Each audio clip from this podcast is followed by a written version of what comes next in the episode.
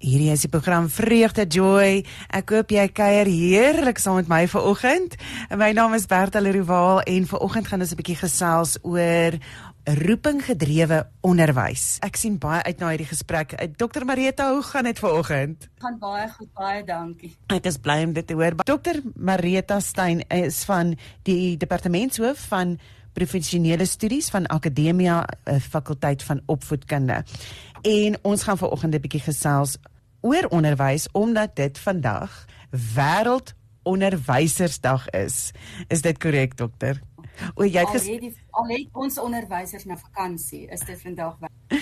So dit is wonderlik wêreld onderwysersdag vandag, maar voordat ons begin met al daardie dinge, ek vra altyd vir my gaste, hoe het jou verhouding met die Here begin?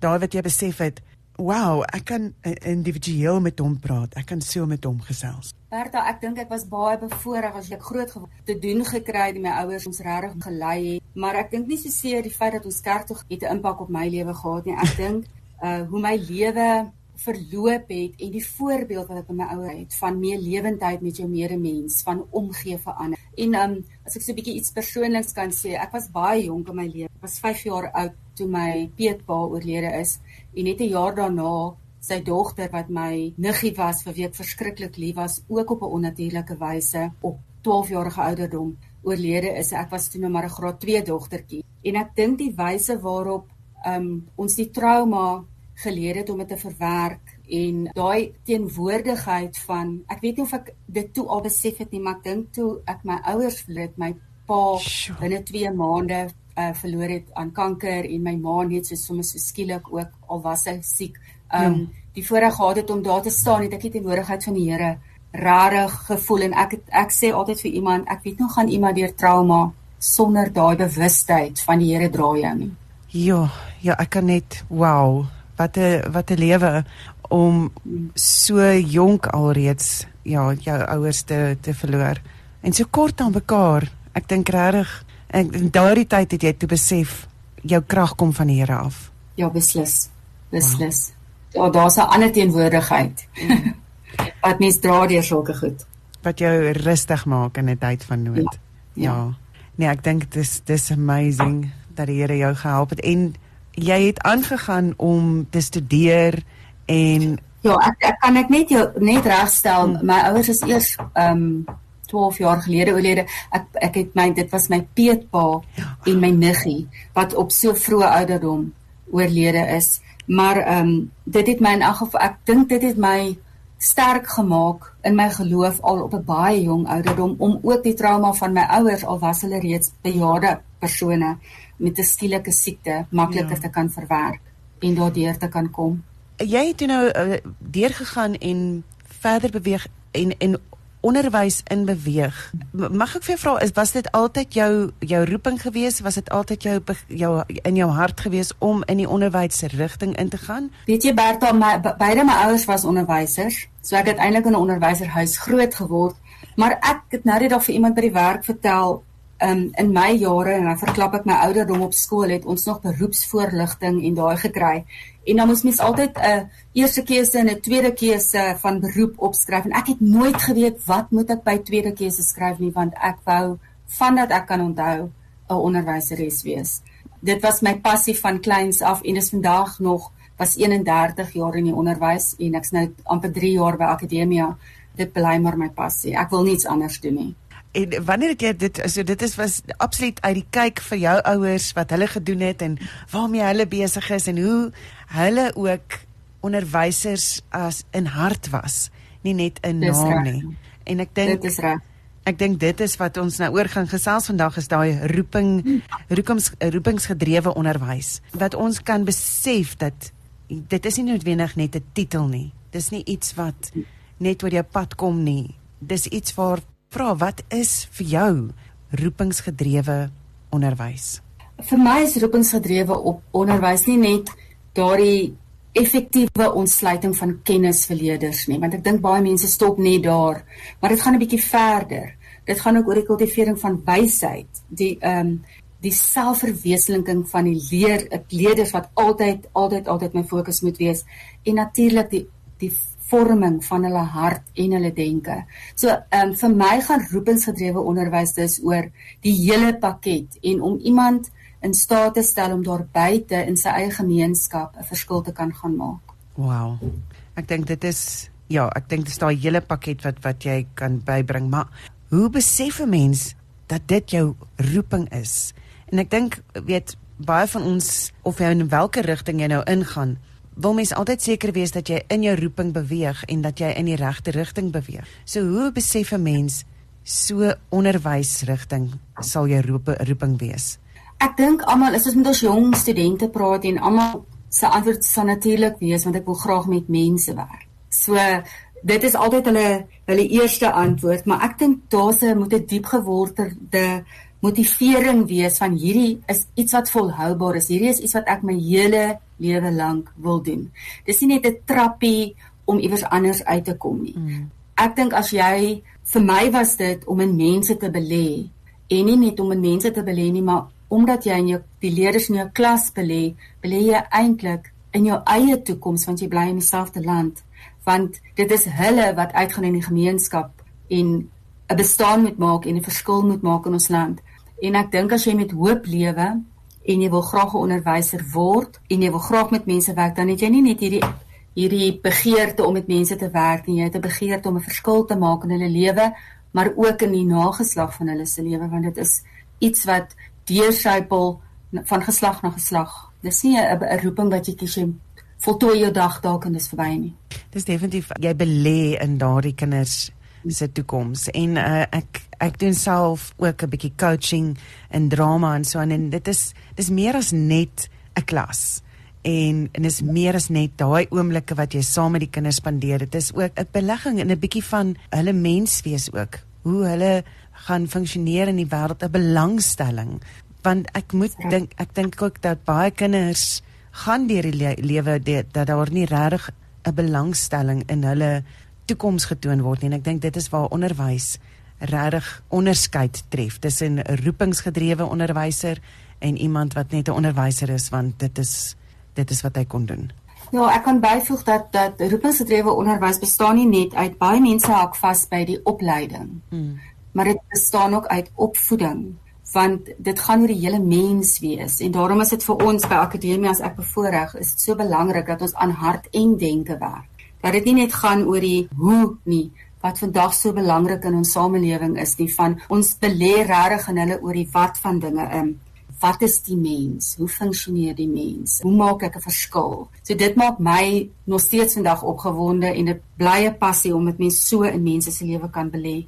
En ek dink ek wil my volgende vraag was nou wat wat behels goeie onderwys, maar ek dink jy het dit nou reeds daar beantwoord met ja, dit moet 'n volronde prentjie wees vir jou. Dit is regtig dis 'n hartstaak. Dit is soos uh, iemand wat wat 'n roeping het om 'n dokter te word of iemand het wat 'n roeping het om 'n om 'n verpleegster te word wat regtig nie bekommerd is oor die geld aspek daarvan nie. En ek dink ook dis jammer dat baie van ons roepingsonderwysers verlore raak vir die stelsel as gevolg van die feit dat dat onderwysers nie daai vergoeding kry wat wat hulle regtig benodig om te kan in die onderwys bly nie.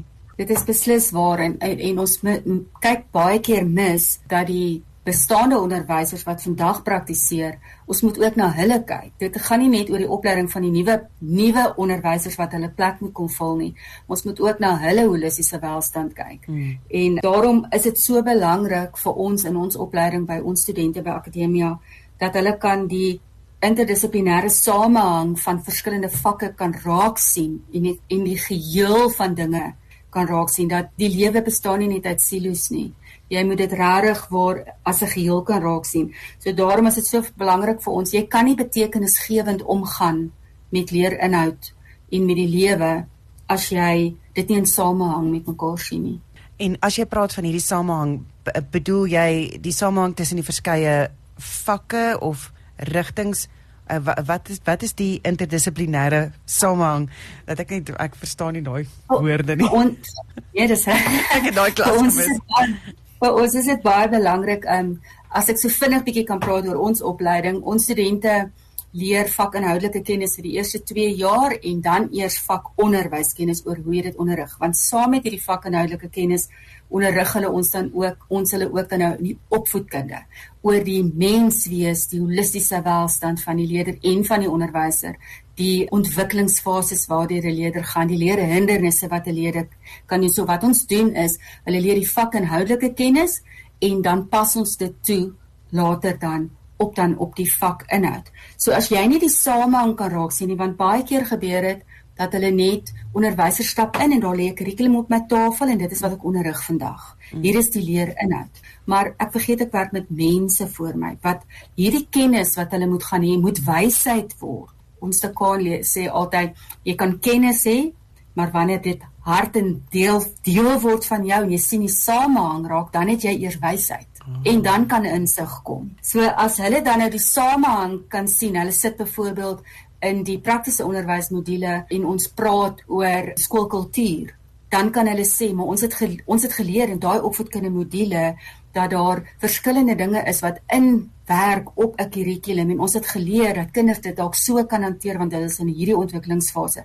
So ons probeer hulle regtig bemagtig om die samehang raak te sien, maar dan ook in die groter prentjie om te weet as ek my roeping gaan vervul buite in die onderwys dan staan ek ook nie in 'n silo nie want ek leef in 'n gemeenskap. Hmm. So dis belangrik dat hulle ook daai gemeenskapsgedagte het en dan kan weet hoe funksioneer ek oor die wat van die dinge in die lewe.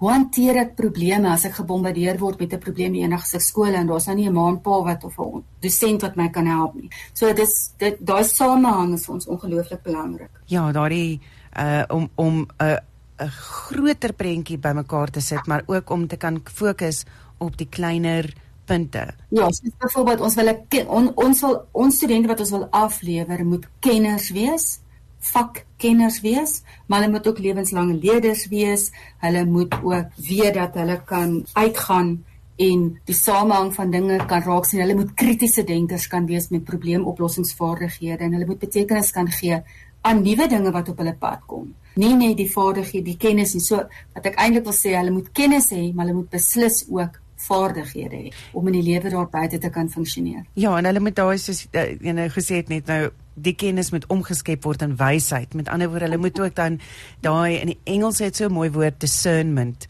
hê, daai onderskeid ja. te kan tref van wanneer gaan ek hierdie kennis oordra, wanneer gaan ek hierdie wysheid deel, wanneer gaan ek daai en dit is al hoe jy dit kan regkry is wanneer jy in onderwys instap met die Here langs jou sy. Ja, waar hy jou deure dra en waar jy kan sê, Here, gee my asseblief leiding dat ek die regte inspraak lewer op hierdie kinders voor my se lewens en die inspirasie wat daardeur kan kom dat uh, ieder en, en vertrou dat die inspirasie wat daardeur kan kom dat u dit self optel en vir daardie kind en elkeen individueel op hulle reis verder sal sal van nut wees. Jacqueline sê hierso die woord sê jy moet kennis kry wat dan na verstaan lei en uitloop in aksies van wysheid. Die einddoel vir enige kennis moet eh, wyse aksies wees. Knowledge that brings understanding and leads to wise actions. Enige ander vrug is 'n gejaag na wind en loop uit op niks. 'n Klinkende simbaal. Baie dankie Jacqueline daarvoor. Ja. Baie mooi gestel. Ja. Baie mooi gestel. Baie mooi gestel. Ek dink weet met onderwys is dit nogal ons het nou net so 'n bietjie aan dit geraak van die finansiële druk wat baie keer um, mense uit hulle roeping uitvat en uitneem. Wat kan 'n mens doen om nie moed te verloor veral in vandag se se omstandighede in die land. Daar's soveel, daar's staatskole, daar's privaat skole, daar's allerlei plekke, maar ek moet sê ek vind selfs by die privaat skole dat die onderwysers 'n bietjie moed verloor se vlak te staan. Wat kan mens doen om dit te verhoed of dit te werk? Ek dink beslis dat 'n mens regtig aan ons onderwysers holistiese welstand moet werk. Die druk van die departement van onderwys is geweldig op onderwysers ek dink dit gaan so seer oor die finansies nie. Ek dink dit gaan meer oor die geweldige druk van prestasie gedrewendheid. En dit is nie waaroor onderwys moet gaan nie. Dit moenie oor prestasie gaan nie, dit moet oor die ontwikkeling van hierdie leerder dat hy self verwesenlik kan wees en dat hy kan ontwikkel optimaal kan ontwikkel na sy of haar potensiaal. So ons moet ons onderwysers regtig en ek dink mens in my opinie, dis maar net my beskeie opinie, kan 'n mens daar by die bestuur begin. Mens moet regtig vir meer aandag gee aan holistiese welstand van onderwysers deur praatjies, deur bemagtiging vir hulle van daardie en dan ook natuurlik deur voortdurende opleiding want onthou onderwyser is 'n lewenslange leerder. Jy het nie nou jou kwalifikasie verwerf en dis nou klaar en jy weet nou alles nie. Want die lewe rondom ons en ontwikkelingswêreld waarin ons lewe verander geweldig baie. So ek voel dat ons moet regtig ons onderwysers se hande sterk maak. Maar dit kan ook nie net eers begin wanneer hulle reeds in die praktyk staan nie. Dit is hoekom dit so belangrik is dat dit reeds begin wanneer ons hulle oplei, sodat hulle kritiese denkvaardighede het sodat hulle menswees so ontwikkel is dat hulle volhoubaar is. Wat ek kan dan daarom sê is ek het verlede week het ons van solidariteit se solidariteit jeug 'n uh, bekendstelling van hierdie jaar se matrieks wat hulle navorsing gedoen het en hulle 'n bietjie inligting ingewin het oor wat gaan hulle studeer, gaan hulle studeer, dit is die finansiese probleem en wat het Covid hulle geleer? En was my verskriklik interessant dat hulle gesê het dat hulle COVID-19 het hulle geleer dat die onderwysberoep is 'n volhoubare beroep. En dit was my so mooi dat die jong mense van vandag raak sien dat dit 'n dit 'n beroep is wat jy verlang kan vervul, die roeping kan vervul en 'n verskil kan maak ongeag van die finansiële aspek daarvan. Kyk, finansies speel 'n baie groot rol. Sonder finansies, soos my man sê altyd, ja, dit sit nie um, brood op die tafel nie. Daar moet brood op die tafel wees ja. vir jou mense.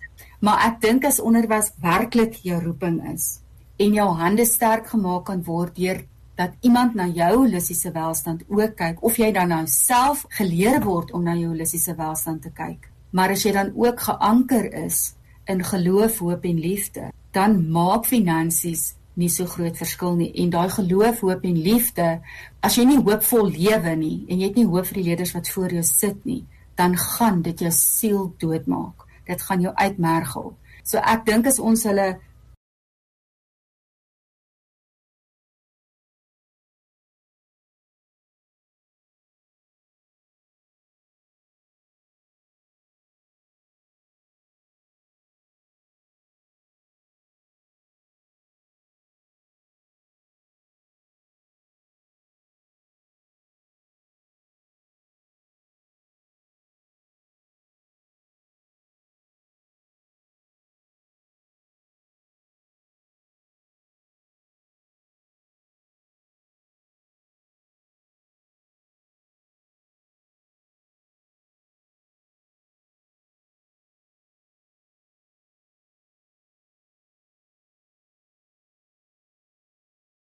kan bemagtig om regtig waar uit te kan gaan en 'n uh, verskil te kan gaan maak en hulle roeping kan vervul, dan begin ons al op die regte pad om die nuwe onderwysers, die nuwe generasies te leer om volhoubaar te wees. Ons gaan nie uit die staat uit nuwe geld kry nie, dit help nie die onderwysers klaar nie. So dit sal iets moet wees wat van binne af moet kom, van die skole self af of van gemeenskappe self af om die persone se hande te vat en hulle opleiding te gee het sy verdere opleiding om hulle taak te vergemaklik of dan verdere opleiding om net na hulle self beter te kan kyk. Ek sien nogal by ons laerskool dat daar gereeld 'n eh, praatjies is vir die ouers en so aan en wat wat net so 'n bietjie hulle help in die regte rigting in en ek dink ek dink dit is wonderlik dat die skole dit vir ouers gee maar ek dink die prioriteit dat dat daai is is 'n belangrike aspek van van onderwys is om jy moet ook nog steeds aanhou groei as onderwyser. En met die kurrikulum wat ek dink soms as my ek dink as ek nou dink aan my my dogter is nog my enetjie is nog in die laerskool. Die die kurrikulum kan baie herhalend wees. Veral as ons kyk na SW en ehm uh, dit is nou geskiedenis en en geografie en so aan. En ek dink vir 'n onderwyser weet elke alles leer dieselfde ding en elke jaar leer hulle so titseltjie meer om om by te sit. En ek dink as as 'n mens 'n onderwyser kan help en toerusting gee met kursusse om dit dan nog meer interessant aan te bied. Wat is nog 'n manier wat ek dit kan aanbied? Wat is nog 'n manier hoe ons dit prakties vir die kinders kan kan teweeggee en hoe kan ons met hulle daarmee werk? Ek dink dit is een van die van die dinge. So waar kan 'n mens sulke kursusse of 'n aanvullende opleiding Waar kan mens so iets um, kry vind vir ons onderwysers vandag? Ek moet sê daar is kyk die SOE en dan SOS van solidariteit. Hulle doen regtig baie moeite vir al SOS van solidariteit in tegnologie in innoverende maniere en wyse om aan te bied. Verskriklik belangrik is om aan hulle aan ons studente, hulle het byvoorbeeld hierdie jaar in hulle tweede jaar doen hulle al die onderrigstrategieë. Nou baie onderwysers hak vas by direkte onderrig want dit is die vinnigste manier om dit af te handel en dit is feitekennis want die kinders moet feitekennis teruggee. Maar hulle leer by ons al die verskillende strategieë wat daar bestaan soos legkaart tegniek wat samewerkende leer wat jy groepe bymekaar kan sit en die leerders saam krities dink en 'n probleem oplos en dan word die feite deurgegee. So daar's daar rolspel. Mense dink altyd aan rolspel hoort net by by scenario's soos lewensvaardighede en boelie en so aan, maar rolspel kan van graad 1 af toegepas word. So ons probeer ons studente word bemagtig hiermee en ons kyk ook daarna by akademie het ons ook kort kursusse wat ons dan nou besig is om te ontwikkel wat jy die onderwyser kan daarvoor inskryf. Hulle kry CPDT punte daarvoor en dan gaan dit byvoorbeeld oor hoe kan ek Afrikaans aanbied? Hoe kan ek Engels aanbied op 'n innoverende manier? Ons het klaar een in Afrikaans, maar byvoorbeeld watter onderrigstrategieë kan ek gebruik om vir die leerders dit interessant te maak sodat dit hulle daardie kennis hulle eie kan. Dis wonderlik. Ek dink um, mens moet net 'n bietjie gaan delf daarvoor en 'n bietjie gaan gaan maar soos jy sê die SAOU, die Suid-Afrikaanse Onderwysunie en dan ook uh, eh, SOS is solidariteit se fasiliteit waar mense 'n bietjie meer inligting kan kry. En ek dink ja. ons as ouers uh, kan definitief dit fasiliteer. Ons kan definitief baie van die skole het ons nog beheerrade. Ons kan 'n bietjie inspraak lewer op die skole en ek dink daai is is belangrik want veral tydens COVID was dit 'n sterk leerkurwe gewees vir die onderwysers om aanlyn te moet spring om ewe skielik nou 'n kamera op hulle te sit om om daardie hele ding te doen was nie eintlik um, die maklikste proses gewees nie. En baie van hulle het net gegaan dit is te veel werk ek nie hoe nie. Uh en en en daai maar ek moet sê die kinders het my kinders het baie goed gevaar in die klasse waar hulle juffrou hulle het die video met 'n gesiggie bygesit en dan sy 'n uh, ding op haar boek gehad of op die bord waarop sy teken en skryf en praat. Ja. So daai het eintlik baie baie goed gewerk. Maar dan is daar weer ander kinders wat gekry het, by onderwysers het gegaan het wel. Hier is vir julle 'n PDF, lees my al daai goeters deur en dan uh, gaan ons vir julle vraestelle gee. Weet so daar Ek moet sê die teenkant van van kyk COVID het het onderwysers regtig geleer om innoverend oh, ja. te dink innoverend die kennis oor te dra waar waar dit nou net gewoonlik makliker was in die klaskamer. Maar ons ondervind veral dit het ook 'n teenkant want 'n uh, jong mense wil nie heeldag na 'n skerm mens dink hulle wil, maar as hulle in 'n klaskamer is op ons ons studente byvoorbeeld sê, hulle wil nie 'n YouTube video kyk heeldag nie. Mm. Hulle wil nie heeldag na 'n PowerPoint styfie kyk nie. Mm. So vir hulle is dit om tweedejaars studente te vat en jy sê um ek noem 'n voorbeeld van hoe het die die trekkers byvoorbeeld getrek deur die met hulle ossewaans en hoe het hulle hulle hulle voedsel byvoorbeeld bewaar en jy doen dit in 'n rolspel en hierdie ou hmm. hardloop en hy gaan haal en o ek moet biltong sny en kom ons gooi die sout en dan is hulle tweedejaars studente Hulle geniet dit ongelooflik baie en deur middel van die rolspel wat jy saam met hulle doen, gebruik ons ook dan die Sokratiese metode van vraag en antwoord, lei jy hulle deur die leer inhoud. Mm. En hulle leer dinge wat hulle nooit geweet het nie. En jy stuur die ene sê gaan haal, waar gaan jy water kry? Dan moet hulle krities dink. Daar is nie nou 'n kraan om oop te draai nie, so waar kry ons water? Is daar 'n put? Is daar 'n rivier? Is daar hoe kry ek dit daar uit? En dis dis eintlik nou maar al ons kan eintlik al sê dis jong volwassenes. Ja. Waarmee ons werk.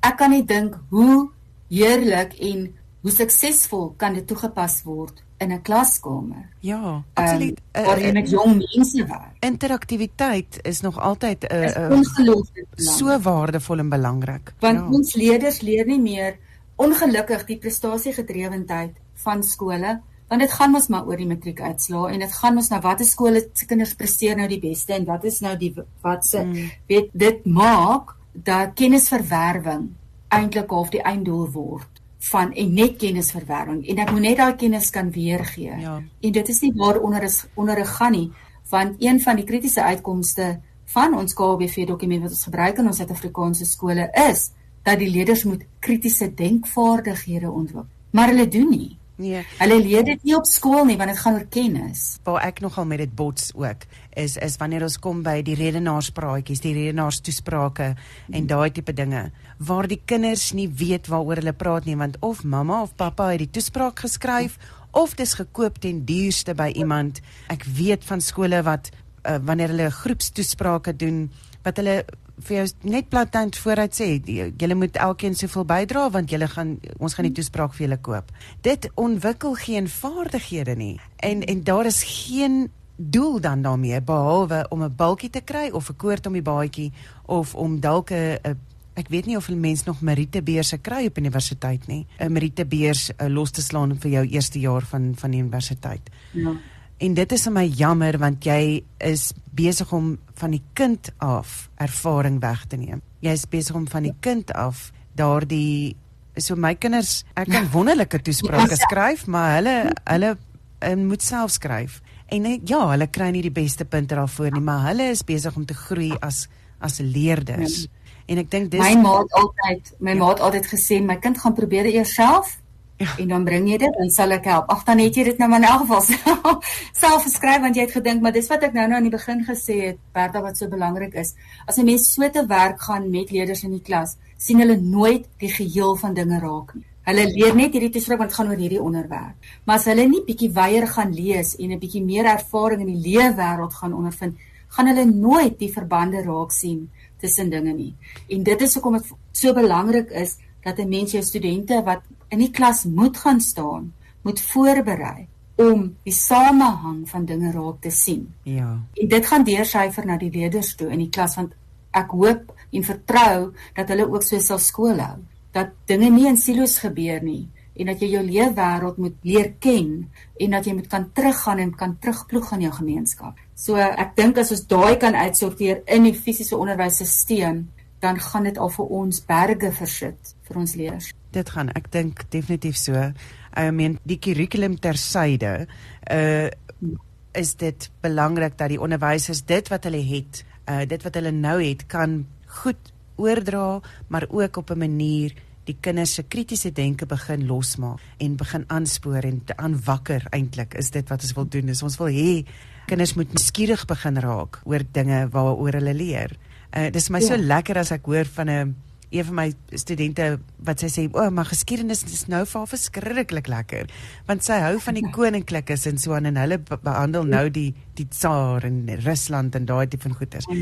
En toe sê ek vir haar, "Jy nou gaan kyk 'n bietjie na hierdie inligting wat jy by op hierdie plek kan kry oor daardie dit jy gaan nou seker nou nie daaroor 'n vraestel kry nie, maar jy gaan dit gaan vir jou nog 'n bietjie nog 'n bietjie meer inkleer." Ja. Net so, dit gaan vir jou insig gee in dit wat jy besig is om te leer. Dit gaan nie net meer feite kennis wees nie. Ja, en sy het teruggekom en sy het gesê, "Jene dit, jene tannie daai. Daai was nou interessant nee. geweest en ja, en as jy dan 'n toespraak nou oor dit moet lewer of as jy dan nou 'n taak oor dit moet doen, dan is dit nou soveel veel lekkerder om ja, om dit te kan ja. doen. Maar ja, om daai inspirasie by die kinders wakker te maak en hulle nie te bombardeer, ek dink met 'n klomp feite en 'n klomp mm. dinge want dit is wat jy moet leer en dit is wat jy moet weet nie. Dink ook om dalk daai antwoorde te antwoord wat die ouers nie kan antwoord nie. So die een wat ek altyd kry is mamma vir wat het ons algebra? Hoekom moet ek weet wat 'n sin kos en tan?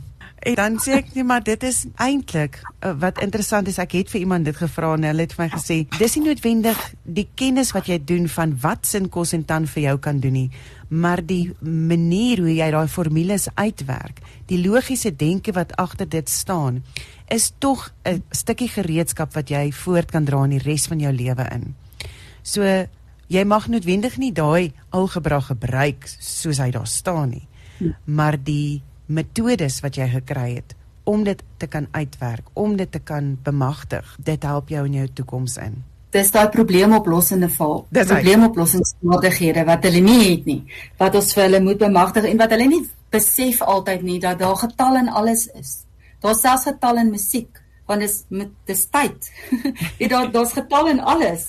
So wat dit, dit is wat hulle nie besef nie, maar dit is eintlik ook baie belangrik afgesien van die feit dat ons vir hulle dit leer sodat hulle probleemoplossende vaardighede kan aanleer want jy gaan met probleme gekonfronteer word jou hele lewe. Is dit ook belangrik dat ons ook vir hulle sal wys en ek dink dit gaan baie keer verlore waar pas ek hierdie in my leefwêreld eendag toe. Dis nie net sommetjies wat ek op papier doen nie, maar waar is hierdie goed in die leefwêreld? Waar gebruik ek as ek kredieteurs gaan koop as ek besig om bymekaar te tel om te kyk of ek genoeg geld het? Om om die leerders op 'n innoverende manier te wys, maak dit relevant deur vir hulle dit na hulle leefwêreld terug te trek, want dan verstaan hulle dit ook beter en hulle kan dit gaan toepas.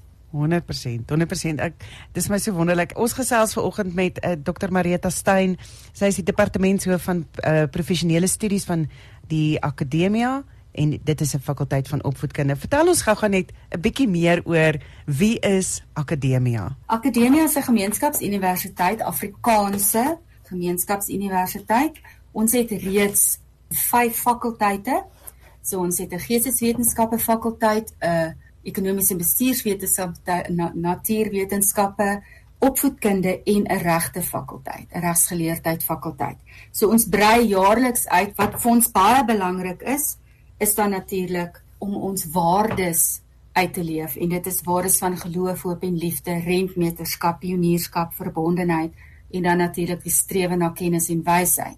En om dan ons studente te bemagtig om in 'n beroepswêreld te gaan werk maar ook die begronding te hê om antwoorde te kan gee op die lewensvrae wat jy gaan kry terwyl jy hierdie beroep beoefen. So ons het vyf fakulteite, uh volledige fakulteite. Ons brei regtig uit ons onderrig in Afrikaans. Dis 'n groot voorreg wat ons het om ons studente in Afrikaans te bemagtig hmm. sodat hulle kan uitgaan om in enige gemeenskap, om in enige beroepswêreld te kan onderrig. Hoekom in Afrikaans sal jy seker vir my vra? Want moedertaalonderrig is vir ons ongelooflik belangrik want ons hart en denke se vorming is ook belangrik. Ek verduidelik altyd vir die vir die ouers. Ek sê altyd vir hulle as ek in Afrikaans iets aanleer, dan is dit in my dan spreek dit tot my hart want dit is my taal wat ek verstaan. So dan verstaan ek dit en as ek daai as ek dit verstaan en ek het die kennis en ek kan dit vir iemand anders in enige ander taal gaan verduidelik met hmm. wysheid. So moedertaalonderrig is dan by akademia baie belangrik en ons streef natuurlik daarna om dan nou vir die arbeidswêreld daar buite 'n uh, beroepsgerigte kursusse aan te bied en dan ook vir hulle studente te lewer of werknemers te uh, gewers te gee wat begrond is en wat regtig waar in die arbeidswêreld kan gaan funksioneer en met probleemoplossingsvaardighede en kritiese denke hulle beroep aan te pak. Dit klink wonderlik. En ek dink dit is waar weet jy kan nie eens by Pretoria Universiteit regtig meer in Afrikaans studeer nie. So dit is so die kwalifikasies wat hulle dan verwerf by Akademia is dieselfde en soortgelyk aan universiteite wat ons nou ken. Wat ek kan sê is um, ek wil net byvoeg ook dat dit 'n Christelike universiteit dan is wat gegrond is natuurlik op geloof, hoop en liefde en ons probeer dit regtig ook met 'n module wat kuns van student wees wat al die studente neem dan nou ook hierdie begronding dan nou ook na hulle leefwêreld toe uit te wat ek wil sê is alle kwalifikasies maak nie saak watter instansie hoër onderwysinstansies of universiteite word deur die raad van hoër onderwys geakkrediteer. Hmm. So ongeag of ek by akademia studeer of ek by Tikkie studeer, dit is deur dieselfde raad van hoër onderwys geakkrediteer, so dis gelykwaardig aan mekaar. So al ons kwalifikasies word dan erken. Dis wonderlik. Dis dis altyd wonderlik om dit te weet van die staanspoor af. So met ander woorde, ek kan met as ek nou onderwys by akademia gestudeer het, dan kan ek nog steeds aansoek doen by enige uh, jy word dan deel van SAU, die Suid-Afrikaanse onderwys ja uh en daai daai word deel van so jy kan dan ja. kwalifiseer ja. waar jy waar jy moet wees. Presies dieselfde proses en hulle word ook bemagtig om in Engels en in Afrikaans skool te hou want hulle het Engels vir 4 jaar.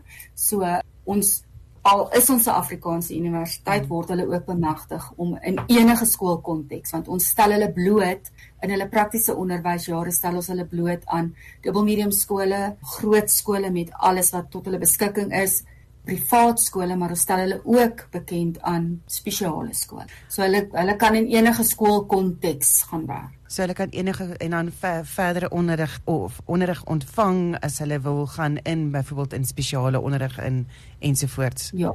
Ons is tans besig met ontwikkeling van 13 nuwe programme in die opvoedkundige fakulteit wat vir ons studente geleentheid sal gee om wanneer hulle ons ons pioniergroep is nou tweedejaars. So hulle is verskriklik trots daarop om 'n tweedejaars studente te wees. So uh, dis ons tweede groep B1. So as hulle nou afstudeer in hulle 4de jaar, sal hulle kan aangaan met 'n honeurs in 'n rigting wat hulle wil en hulle sal kan gaan ons is besig met die ontwikkeling van die meestersgrade en die PhD's. So uh, hulle kan 'n vol vol vol akademiese pad by akademia loop. Ja, so as jy nou as jy nou in matriek is, dan kan jy definitief 'n uh, 'n volle pad uh, al die pad vorentoe stap en jy kan ook 'n pionier wees, weet so so 1 ja. 2 jaar agter dan die ouens wat voor staan. Maar dit is So dit is fantasties, 'n wonderlike 'n plek om te studeer en soos jy sê, jy stel hulle ook bloot in prakties dan nou aan die verskeie skole. So dit is presies soos die onderwysstelsel soos wat ons ken. Daar's 'n proeftydperk wat jy gaan proef. As ek nou onthou toe ek op skool was, was daar proefonderwysers geweest. Ek weet nie hoe werk dit nou ja. nie. Um, ons werk so 'n bietjie anders by akademia as ander instansies. Ek daar is hoër onderwysinstansies waar studente voltyds by skole betrokke is en dan aanlyn studeer. Ons model is 'n kontak sessie model wat beteken hulle moet in die klas wees. Ons gevoel is as ek wil leer hoe om sko skool te hou, mm. moet dit deur my sent aan my gemodelleer word. Mm. So ons modelleer al die onderrigstrategieë, die verskillende soos wat ons ons lesings aanbied. Ons onderrig hulle ook die eerste 2 jaar doen hulle slegs vakinhoudelike kennis van beide Afrikaans, Engels en wiskunde en 'n keuse module wat nou lewens SW of natuurwetenskappe is. Die intermediêre grondslagfase moet lewensvaardigheid neem en dan hulle hulle opvoedkundige modules waar ons hulle dan nou in die pedagogiek inlei en hoe ontwikkel hierdie leerders wat so as hulle daai kennis eers het want as ons gaan na na navorsing kyk wêreldwyd dan en veral in Suid-Afrika dan is die probleem dat die onderwysers wat die modules aan die vakke aanbied nie die genoeg genoegsame vakkennis het. Ja. So ons onderrig, ons versterk eers die eerste 2 jaar hulle vakkennis, maar hulle gaan skole toe, maar saam met ons dosente. 4 keer 'n kwartaal, 4 uh, keer 'n jaar, 1 keer 'n kwartaal. Besoek ons die verskillende kontekste en dan in hulle derde jaar, dan doen hulle vakonderwysmodules. Dan kom al die pedagogiek en al die vakinhoudelike kennis dan bymekaar dan gaan hulle eers skole toe. So ons wil eers hulle vakinhoud sterk maak en hulle pedagogiek sterk maak en dan sit ons dit bymekaar. Okay, en dan gaan ek het daai klas gemis op skool wat wat vir my verduidelik wat pedagogiek beteken.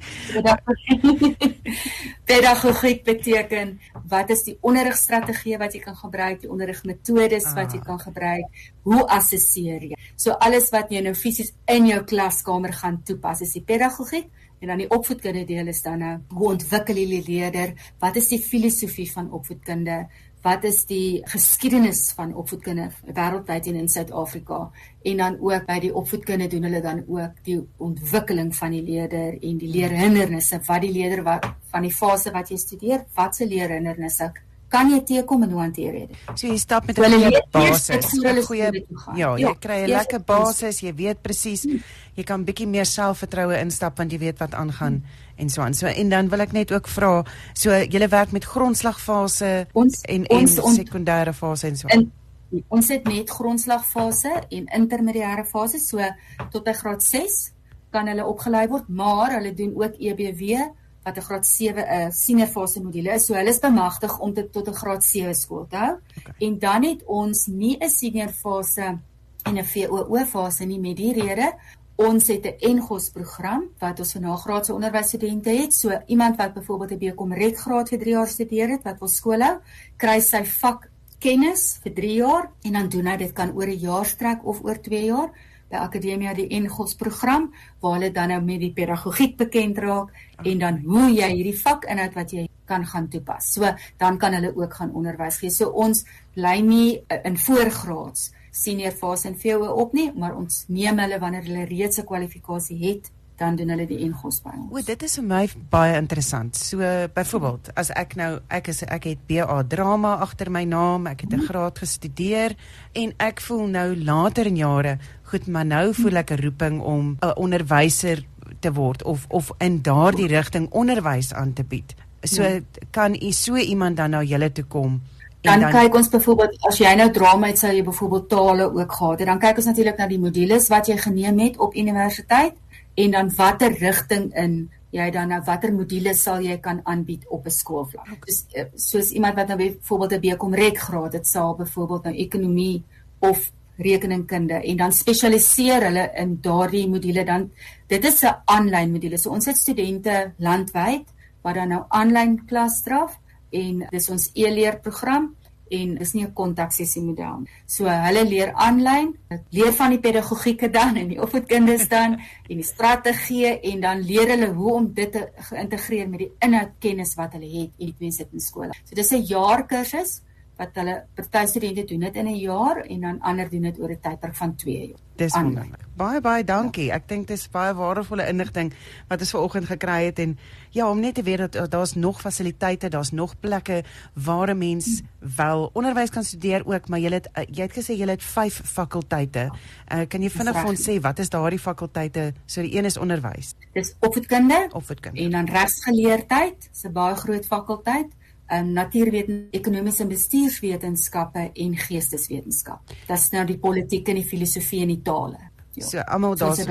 Dis 'n wonderlike 'n wonderlike geleentheid as iemand vir julle in die hande wil kry en sê kyk Ek sit nou regop, ek wil graag ietsie gaan studeer. Ja. Ek wil graag opvoedkunde gaan studeer. Hoe kan hulle vir julle in met in kontak tree? Hulle kan hulle kan net op ons webtuiste gaan wat www.akademia.ac.za is of natuurlik kan hulle hulle sal daar ook kontaknommers kry kan hulle met enige werwer gesels of hulle kan net akademia kontak daar's altyd iemand wat jou wat hulle sal mens verwys na die fakulteit toe waar jy hulp nodig het. Waar jy hulp en daai akademia spel ons A K A D E M kolletjie I A en dan sit punt A C .z A. Dan sê. Dat ek net ja, .ac.za. Ja nee, ek ek, ek, ek het hom hier voor my. Ek het hom hier voor my dan. Maar as mens net op Google gaan en jy sit in akademia, dan neem hy jou na die webtuiste toe. Ja. Waarin al ons programme verskyn, ons jaarboek verskyn. Soos wat jy kan sien watse modules kan jy neem, watse vakrigtinge kan jy neem by akademia, alles is daar. Wonderlik. Baie baie dankie. Baie dankie Marita vir jou tyd vanoggend wat jy saam met my gespandeer het.